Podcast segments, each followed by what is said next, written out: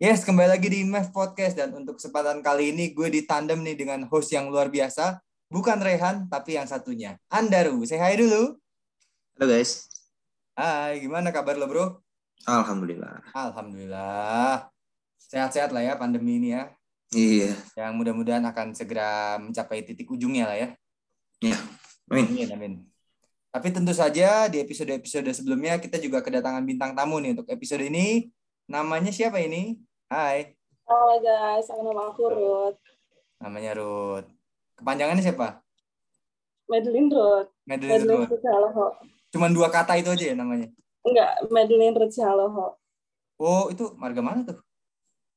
Marga Batak. Oh, Batak. Oh. Iya, Saya pikir orang Manado. bukan. Oh, bukan. Oke. Nah, ini Anda biasanya nih penasaran nih soal latar belakang nih, educational Ya background. nih. Eh, jadi Ruth, em, ini enaknya gue lo atau kamu nih? Eh, Bagus gue lu aja nggak apa-apa kak. Gue lo aja nggak apa. Oke. Iya. Em, lu kesehariannya sibuknya apa sih? Eh, kalau saat ini kan aku baru naik ke semester 3, mungkin masih kuliah aja, kuliah ikut organisasi udah gitu sih kak. Oh tugas gitu-gitu ya? Iya, Oh, I see. Kuliah di mana sih? di Erlangga kak, Surabaya. Oh, Erlangga Surabaya. Oh. Oke, I see, I see, I see. Em, dulu kalau boleh tahu sharing-sharing dikit dong dulu eh, SMA di Surabaya juga atau sempat di mana? Oh enggak, aku tuh eh, dulu tuh lahirnya di Palembang, terus eh, umur 8 bulan aku pindah ke Bandung, terus jadi gedenya di Bandung, semenjak kuliah aku di Surabaya kayak gitu. Oh. Oh, berarti dari SD sampai SMA di Bandung ya? Iya, dari TK, SD, SMP, SMA di Oh. Bandung. Oh, Bandungnya di daerah mananya? Di Buah Batu, nggak tahu nggak? Oh, Buah Batu. Tahu oh, dong. Buah Batu. Iya, iya, iya. iya. Tahu dong. Itu buah batu yang biasa buat minuman tuh, Dev. Jambut batu. Itu Oh, iya. Bukan gula. lain lagi. Lebih tepatnya gula batu sih itu. Oh, gula batu. Iya. Itu nggak diminum sih gula batu, diolah dulu. Iya benar sih. Iya. Iya, iya, iya,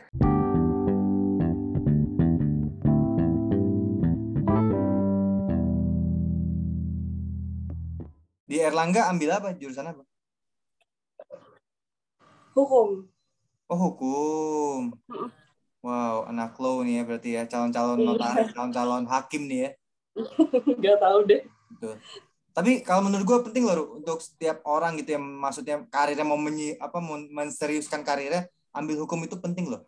Iya, karena walaupun kayak misalkan lu ngambil aviasi, gue Iya. juga ngambil bisnis, itu semuanya nanti pasti akan eh, ada keterkaitan sama hukum.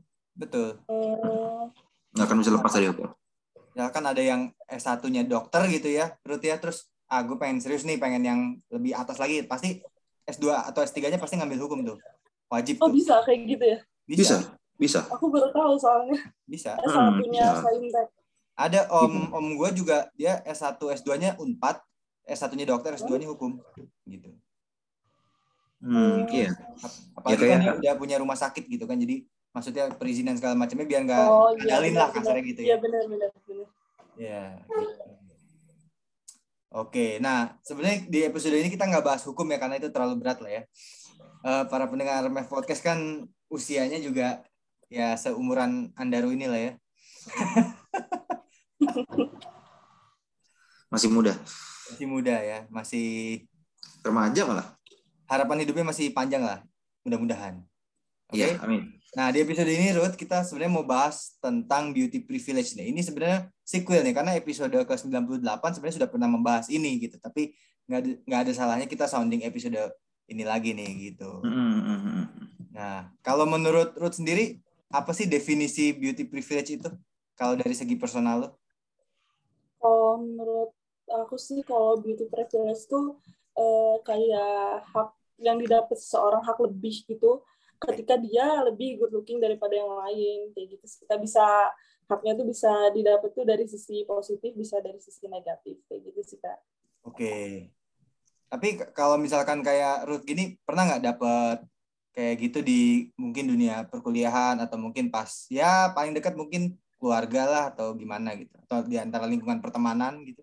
Dapat kayak beauty privilege di keluarga gitu maksudnya. Ah atau di pertemanan gitu di sekolah mungkin waktu zaman SMA atau pas baru-baru kuliah ini kan tadi katanya baru naik zaman. SMA tuh aku ini kak kayak nggak tahu deh kalau menurut aku gara-gara di penabur kan banyak uh, yang Chinese Indo gitu terus aku kayak Batak sendiri kayak Ih, ini apa nih apa uh, apa uh, hitam sendiri atau apa sendiri? Kan aku jadi kayak ya udah berarti aku di sekolah tuh nggak dari TK sampai SMA tuh aku nggak dapet sama sekali. Bahkan kan sering dibully gitu pas SMP semenjak SMA tuh aku kayak ya udah mulai perbaikin diri mulai ngerawat diri dan ngerasain beauty privilege tuh kalau bisa dibilang kayaknya dapet sih kak. Mulai uh, abis ini habis lulus SMA kayak gitu sih kak. Kalau di keluarga tuh eh, gara-gara aku emang yang paling sering apa aku kan anak ketiga gara-gara sering aku kayak apa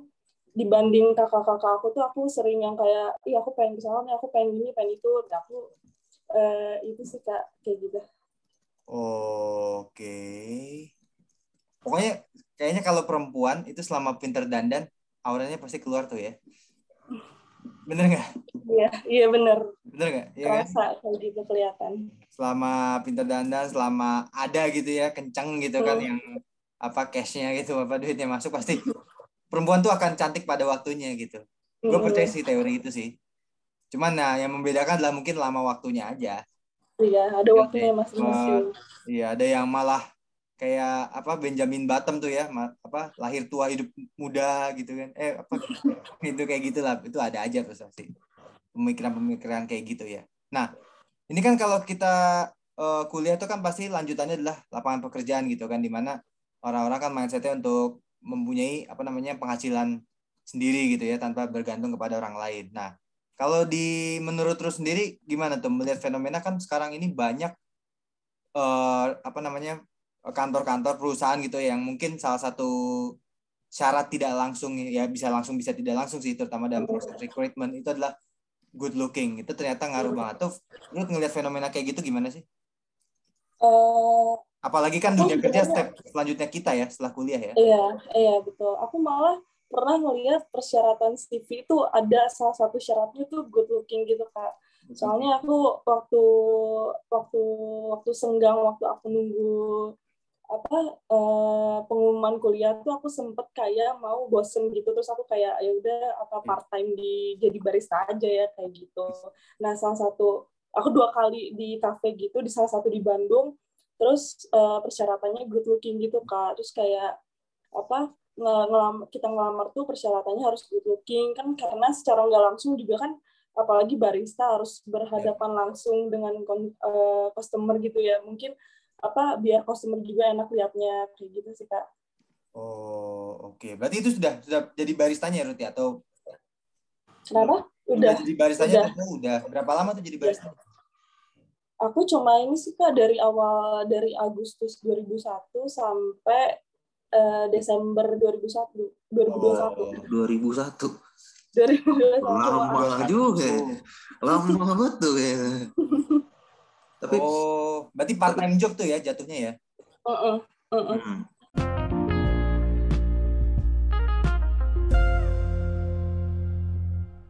Nah ini mungkin sebelum Andaru menanyakan lebih banyak nih ke Ruth, gue pengen nanya nih.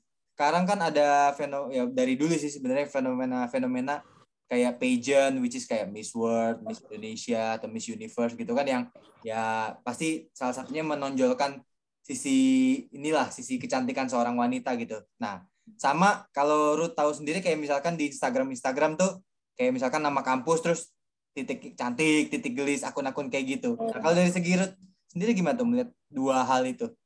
Di agak condong ke kubu yang pro atau yang kontra?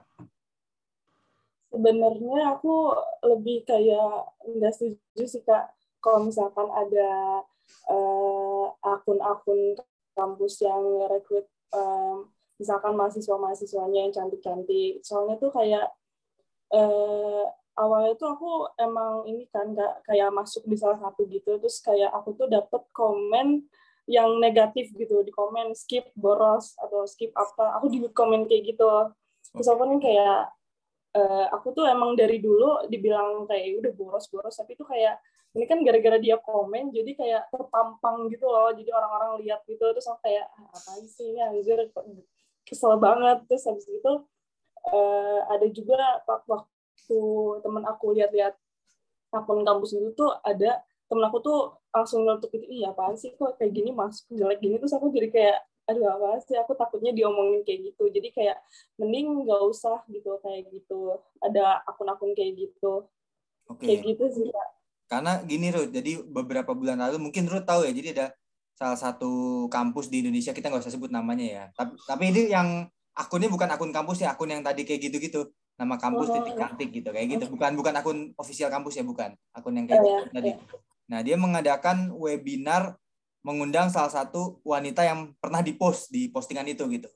Dan memang wanita itu ya oke lah gitu secara looking oke good gitu ya. Nah, sampai pokoknya bener-bener last minute udah kayak mau tag gini nih, tag talk show gitu. Hmm. Dia kalau nggak salah akun yang itunya itu sempet bawa-bawa apa gitu ke cewek ini sehingga pas last minute itu di cancel eventnya. Nah, sama si wanita ini permasalahan ini dibawa ke Twitter. Jadi rame kan, dibikin tweet segala macam. Wah, itu langsung diserang tuh akun-akun yang gitu. Kayak gitu. Eh, aku juga sempat tahu sih kak ada salah salah kampus di Surabaya juga yang eh, apa sampai eh, gak tahu ditolak atau gimana sama salah satu akun BEM fakultas di di apa dibawa kasusnya kayak sebenarnya kayak gini tuh pantas gak sih sebenarnya kayak gini tuh Nah, harus ada nggak sih kayak gitu kak? Iya. oke. Karena kan nggak tahu deh kalau ngambil-ngambil foto kita emang udah izin ya sama ininya. Kalau yang kampus aku sih ini eh, dia izin dulu sih kak. Kalau misalkan Oh. mau di take down boleh di take down. Cuma eh, sempat kakak aku kan di Unpad ya, terus kayak Oke. eh, dia tuh sempat di post. Cuma dia tuh orangnya nggak suka gitu, terus Oke. mau di take down gitu kak. Terus jadi ya udah deh sempat kayak dianya kesel gitu.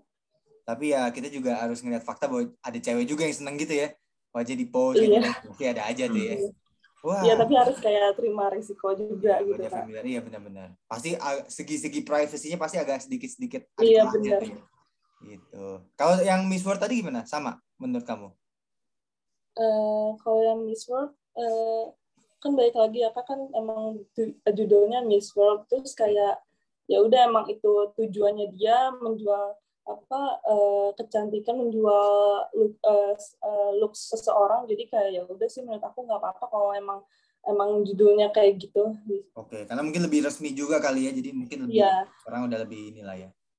Oke. I see, I see. Ya, apa ya? Ya bener sih maksudnya eh, ya gini. Eh, lebih kayak gini nggak sih Div kalau mau ada akun-akun kayak gitu tuh nggak apa-apa tapi se- se- selagi yang namanya privasi orang itu lu bisa hargain juga Betul. gitu kayak ya misalkan nih fotonya si Ruth di post sama salah satu Insta, mis- misalkan Instagram dari dari pihak kampusnya gitu ya nggak apa-apa selama uh, privasinya Ruth juga ya lu sebagai institusi juga harus bisa untuk menjaga itu Betul. Jangan sampai nanti kehidupan sosialnya Ruth malah terganggu juga gitu kan. Betul. menarik sih. Uh, oke. Nah ini masih uh, terkait dengan um, uh, penampilan dari seseorang lah gitu ya.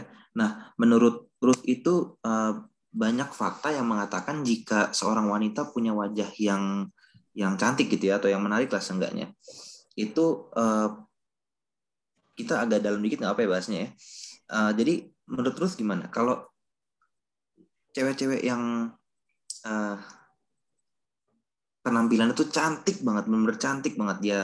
Itu menurut kamu masih ada peluang untuk di sorry tapi diselingkuhin nggak sih sama pasangannya? Itu hukumnya hanya berlaku itu hanya berlaku untuk yang penampilannya sorry tapi tidak terlalu menarik atau bahkan yang menarik pun juga mempunyai peluang yang besarnya sama. Menurut Ruth. Menurut aku sama-sama aja sih kak. Mau kita mau cantik mau jelek mau apa pun mau kaya mau miskin selama itu tergantung orang yang pasangan kita. Dia dianya ngerasa cukup eh, sama kita atau enggak gitu. Kalau misalkan kitanya eh, serasa eh, kita nggak mencukupi gitu misalkan bisa dikomunikasiin atau enggak misalkan emang udah nggak bisa gitu kan bisa diputusin dulu baru cari yang lain. Kayak gitu sih kalau selingkuh itu bukan tergantung siapa yang diselingkuhin tapi siapa yang selingkuhin nggak Oh, iya. gitu. Oke. Berat berat berat berat. Sebenarnya ya, tapi Berat, gue setuju sih sama Ruth nih, Ruth. kadang-kadang selingkuh itu bukan masalah nyari yang lebih cantik atau lebih ganteng cuma karena Hmm. bosen aja sama yang lama gitu Iya. Bukan berarti better secara looking juga yang baru itu kayak gitu Iya. sih yang Tapi tapi kita nggak bisa bohong bahwa sebenarnya ada cara yang lebih sehat gitu kan daripada Betul. selingkuh. Ya yang lama diudahin dulu, baru lanjut sama yang baru. Itu kan cara Iya, sehatnya. Iya. Ya kan, tapi kalau menurut gua, ya sorry ya, mungkin uh, buat etikanya begitu etikanya ya, tapi kalau buat gue pribadi ya sorry, mungkin uh, uh, mungkin ada teman-temannya Ruth yang apa dengerin ini juga atau mungkin ya pendengar eh, podcast in general lah. Tapi menurut gua uh, kalau alasan lu putus cuma gara-gara bosan itu menurut gua goblok gitu loh. iya benar Iya Iya. kayak kalau alasannya putus itu alasannya putus cuma gara-gara lu bosen. Eh, gimana ya? Eh, ya coba, coba rasa bosan itu ditutupin sama you know doing something gitu loh. Tapi kalau udah bosan terus Iya. tiba-tiba itu dijadikan alasan dasar dari selesainya hub- suatu hubungan tuh menurut gue agak sedikit bodoh ya. Eh, Oke, anyway, em, ini berikutnya gini, ad- eh, ada statement orang-orang yang mengatakan bahwa orang yang cantik atau ganteng 50% masalah hidupnya itu bakal terselesaikan, cuman because of the fact that dia tuh cantik atau dia tuh ganteng. Nah, pendapatnya Ruth gimana?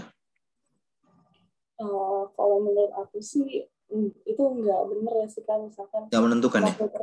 nggak menentukan hidup kita bakal lebih better daripada yang lain gara-gara kita good looking enggak sih kayak fun fact ternyata tuh kalau misalkan good looking tuh ada sisi negatifnya juga misalkan kayak eh, biasanya orang good looking tuh dari kecil tuh udah misalkan udah dipuji kamu tuh cantik cantik cantik. Terus misalkan tiba-tiba eh, misalkan aku misalkan di udah disering puji gitu tiba aku lagi datang bulan kan kalau datang bulan kan pasti kayak ada tumbuh jerawat kayak gitu. Terus kayak apa dibilang eh kamu lagi jerawatan ya itu tuh pasti kayak overthink gitu kayak "Ya, emang aku jerawatan kayak gini-gini segala macem kayak gitu. Terus apa jadi kita tuh eh, berusaha buat balikin lagi eh, pujian yang didapat gitu pujian. Cuma kita tuh anggap itu tuh kayak ya udah semacam dipuji cantik. Cuma tuh kalau nggak dipuji tuh kayak rasa kurang aja gitu kak. Hmm. apalagi kalau misalkan kita lagi kan kita nggak mungkin ya nge-share apa kita insecure tentang apa ke orang lain. Misalkan kayak kita lagi di foto terus kayak ih nggak mau ih aku lagi ini aku lagi ini terus uh, atau aku lagi jerawatan banget atau aku lagi rambutnya jelek banget terus dibilang ah gitu doang.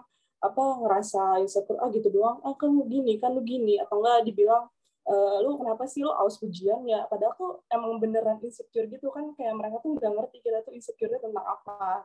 Kayak gitu. Ditambah kalau misalkan orang good looking tuh nggak selamanya yang aku rasain tuh nggak selamanya eh, apa positif gitu kak. Apalagi kalau misalkan kayak eh, ngecari pasangan gitu kayak aku tuh suka mikir kan aku kayak susah terlalu picky juga nyari pasangan terus eh, gara-gara tuh aku mikir ih dia tuh beneran apa beneran sayang sama gue atau emang gara-gara ada maunya sih atau ada pengeninnya sih atau penasaran doang sih kayak gitu aku selalu mikirnya kayak gitu Oke. Jadi orang yang good looking tetap ada pressure-nya ya. iya betul kak Oke. Iya iya iya. iya. Apa emang bener sih maksudnya penampilan orang memang tidak menjadi tolak ukur. Maksudnya tidak tidak menjadi tolak ukur, tidak bisa menjadi tolak ukur untuk segalanya kali ya, Div ya. Betul. Maksudnya ada yang memang tolak ukurnya dari penampilan dia, tapi there's a lot more yang memang tolak ukurnya lebih dari itu kali ya. Yes. Nah, terus eh, ini, ini masih ngomongin seputar penampilan nih. Menurut Ruth, ketika seorang wanita itu cantik atau seorang pria itu ganteng, sejahat apa pun mereka, seburuk apa pun attitude mereka, itu pasti eh, itu pasti akan dimaafkan oleh halayak ramai. Nah, dari statement itu Ruth setuju atau enggak? Dan kenapa?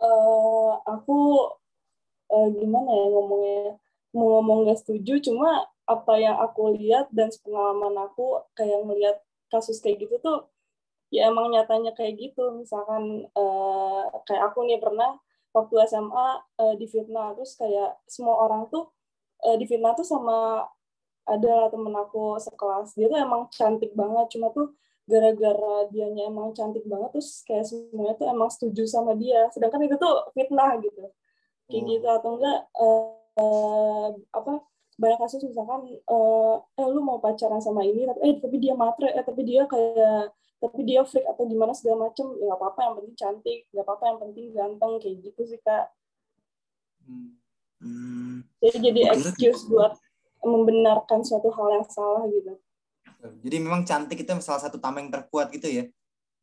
Iya, jadi kayak apa?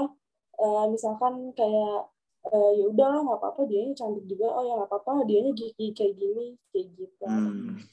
Iya tapi eh, iya bener sih dan dan eh, ini both eh, both of you ya Lut, Lut sama Nadif ya kalian tuh sering nggak sih kayak dengar apa dengar kayak misalkan ada orang ter apa kena masalah pas segala macem terus pas minta maaf orang-orang pasti ngomong gini ah untung lu cantik nah Iya Iya. benar banget. Atau untung lu ganteng gitu pasti. nah Iya. ya, Ya. gitu, Mungkin lu tau lah kayak misalkan ada artis yang ya kita nggak usah sebut nama lah ya terjerat kasus narkoba tapi karena wajahnya lumayan ganteng, cantik jadi dimaafkan satu netizen Indonesia gitu kan.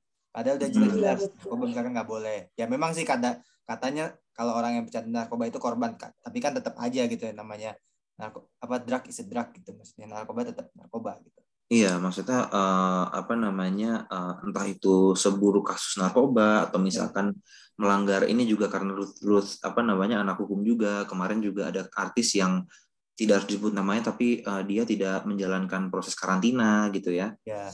itu kan eh, melanggar tapi banyak banget pada saat dia sudah me- eh, melontarkan kata maaf banyak banget orang-orang netizen yang bilang kayak ah untung cantik ah untung ini Pembelaannya ada aja gitu. pembelaannya Iya. waktu itu bukan cantik doang tapi ada juga yang bilang ah untung dia sopan nah Nah, gitu, ini gitu. sopannya Ya. bukan sopan sopian ya lainnya. bukan bukan bukan dong bukan dong Udah udah nggak ada juga orangnya. iya Oke. nggak udah nggak ada diomongin ya oke ini terakhir nih sebelum sebelum nanti eh, kita mengadakan pro- se- sebuah promosi ya ini terakhir nih Eh, menurut Ruth eh, apakah stigma beauty privilege itu bisa dihilangkan Eh, atau setidaknya digantilah sama term yang lain gitu. Tidak harus beauty privilege banget gitu. Mungkin ada kata-kata lain yang eh, bisa menggantikan stigma itu gitu. Atau atau memang ya udah gitu loh. Itu tidak bisa dihilangkan. Itu memang udah menjadi sebuah mindset bukan sebuah stigma lagi atau bukan sebuah mindset lagi. Nah menurut terus gimana?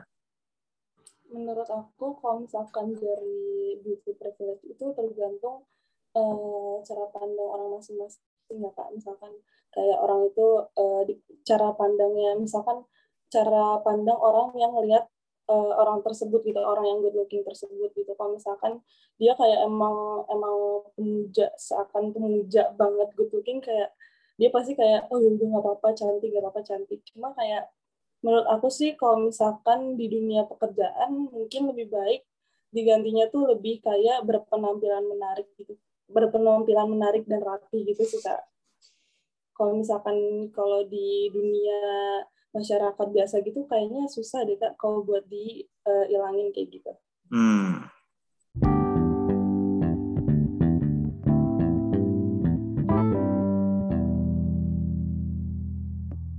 Oke Ruth, eh, sebelum ditutup biasanya kita ada promo sosial media nih. Ini umumnya adalah Instagram dan LinkedIn nih. Cuman Anda Ruth biasanya kadang-kadang penasaran TikToknya juga. nggak usah. Kalau emang itu itu memang kalau mem karena ada juga orang yang menggunakan itu hanya untuk privacy deh jadi gua gua Contohnya gua- adalah? Hmm? Contohnya adalah? Eh, Instagramnya apa? Disebutin aja. Iya iya iya iya iya iya. ini Instagramnya jadi apa nih buat buat Instagramnya? Ruth apa namanya? Ah, Instagramnya pelan-pelan nanti takutnya yang mau nyatet nggak kedengeran tuh Ya, Anda Ruth pelan-pelan coba. Dicatat ya. hmm. Disimak baik-baik. Instagram aku ya Ya. Instagram aku eh, Madeline Ruth S S-nya dua tulisannya Madeline R U T H S S S2 Oke. itu apa? Screenshot. bukan bukan S bukan ya halo halo. Oh, S2. itu marganya ya. Maaf, maaf, maaf. S2 itu habis S1 tuh Oh ya. Kalau S2 Jadi di- Madeline Madel, Madeline Ruth Ruth ya guys ya. Jadi Iya. tulisannya M A D E L A I N E R U T H S S ya guys ya. Kalau misalkan kelewatan ya diputar ulang aja. yes. Gue tidak mau mengulang. Oke. Ini dan nanti buat yang tayang di YouTube bentuknya kayak gini Instagramnya. Ya nggak gue tutup. Oh iya. iya. Nggak kelihatan kan? Iya search aja sendiri. Oh itu Instagram ya? Pevita Pierce tadi? Apa? Instagram Pevita Pierce yang lu buka? Bukan bukan Ariel Tatum. Oh Ariel Tato. Oh dikira Ariel Noah. Enggak dong. Enggak dong. Takutnya kalau Ariel Noah nanti separuh aku. Oke, eh, Ruth, link ini apa? Aku Iya, punya. belum ter, belum diseriusin kan sih kak LinkedIn Oh, aduh, berat ya belum diseriusin ya. Belum diseriusin. Iya iya iya, belum belum diseriusin. dipercantik lah yang ini. Anjay. Belum dipermodif ya, anjay. Iya, iya, iya. Dunia. Oh, kosongan. Tapi ini eh, buat teman-teman yang udah ketemu Instagramnya jangan cuma di stok doang tapi nggak dipencet tombol birunya ya. Oke. Sama ini nyalain nyalain loncengnya. Waduh. Yo, what's up guys? Subscribe guys. Ya. Iya iya iya. Terus ada efek-efek musik teng teng teng teng teng gitu ya. Ada Iya aduh. Iya iya iya. Terus VO-nya VO yang ngantuk lagi. Mm Iya. Kayaknya Mbak Mbak Google. Iya. Yang lambat gitu Menarik, menarik, ya. menarik, menarik, menarik. Pura-pura. Tapi berarti sekarang Ruth eh, tinggalnya di Surabaya ya? Iya betul. Tinggalnya di Surabaya. Surabaya. Oke. Oh. oke. Di daerah mana Surabaya tuh? Di deket banget sama kampus Uner ya kak. Oh, Sebelahnya banget malah. sebelahnya banget. Surabaya Timur. Oh, Oh timur, I see. Oh, Surabaya Timur tuh kayak ITS ya, Sukolilo, tau nggak? Hmm, kalau- ITS. ITS tuh lebih ke sana lagi kak. Jauh lagi ya. ah. Iya dekat dekat Madura. Iya. Surabaya Hmm. sih di mana-mana juga dekat Madura ya. But anyway, itu itu jembatan Brooklyn kan itu? iya. Itu lebih ke lebih ke jembatan merah nggak sih? Jembatan merah, jembatan tiga dong. Tapi itu tenang aja, nggak ada manis-manisnya kok. Oke, Iya. jadi buat uh, Ruth terima kasih banyak udah mau join di podcast ini luar biasa nih penjelasan detailnya. Wah keren sih, salut kita. Penjelasannya oke. Iya. Sama buat Anda Ruth, thank you so much udah mau berduet lagi dengan Thank saya. you. Ini ya. Anda Ruth mungkin ada petuah-petuah terakhir atau gimana? Petuah-petuah terakhir. Kok kesannya kayak gue mau koit ya? Iya. Nggak terakhir juga dong. Mungkin untuk malam ini kali ya. Oke. Ya apa ya? Ya se- sebatas kalian kalau belum bisa percaya sama orang lain, seenggaknya percayalah sama diri sendiri. Udah gitu aja. Oke. Oke. Paling gitu aja. Ya udah. em, berarti kita bungkus. Oke. Apa yang dibungkus nih? Nah, apanya yang kita bungkus nih? Ya podcastnya lah. Iya dong. Podcastnya lah. ya. Masa gue bungkus lu? Iya. Iya sih. Iya, oke. Guys, thank you so much udah dengerin. Jangan lupa untuk uh, follow kita uh, follow Mev Podcast di uh, Spotify, di YouTube juga kita ada. Uh, episode yang ini mungkin tayangnya beberapa minggu dari sekarang. Yes, betul. Dan Ah, juga di Noise ya. Ini sekarang terbaru nih uh, Mev Podcast sudah bisa didengarkan di aplikasi Noise ya. Aplikasi Aplikasi Noise. Noise, Yes, aplikasinya para podcaster-podcaster di Indonesia. Yes, betul sekali. Dan ini buat Ruth sekali lagi terima kasih udah mampir ke Mev Podcast. Jangan lupa untuk teman-teman semua follow Instagramnya Ruth. Follow Instagram gua uh, @prastalandaru dan juga follow Instagram Nadif @nadifmf. Thank you guys so much for tuning in and we'll see you guys on the next episode. Take care. Bye bye. Bye bye.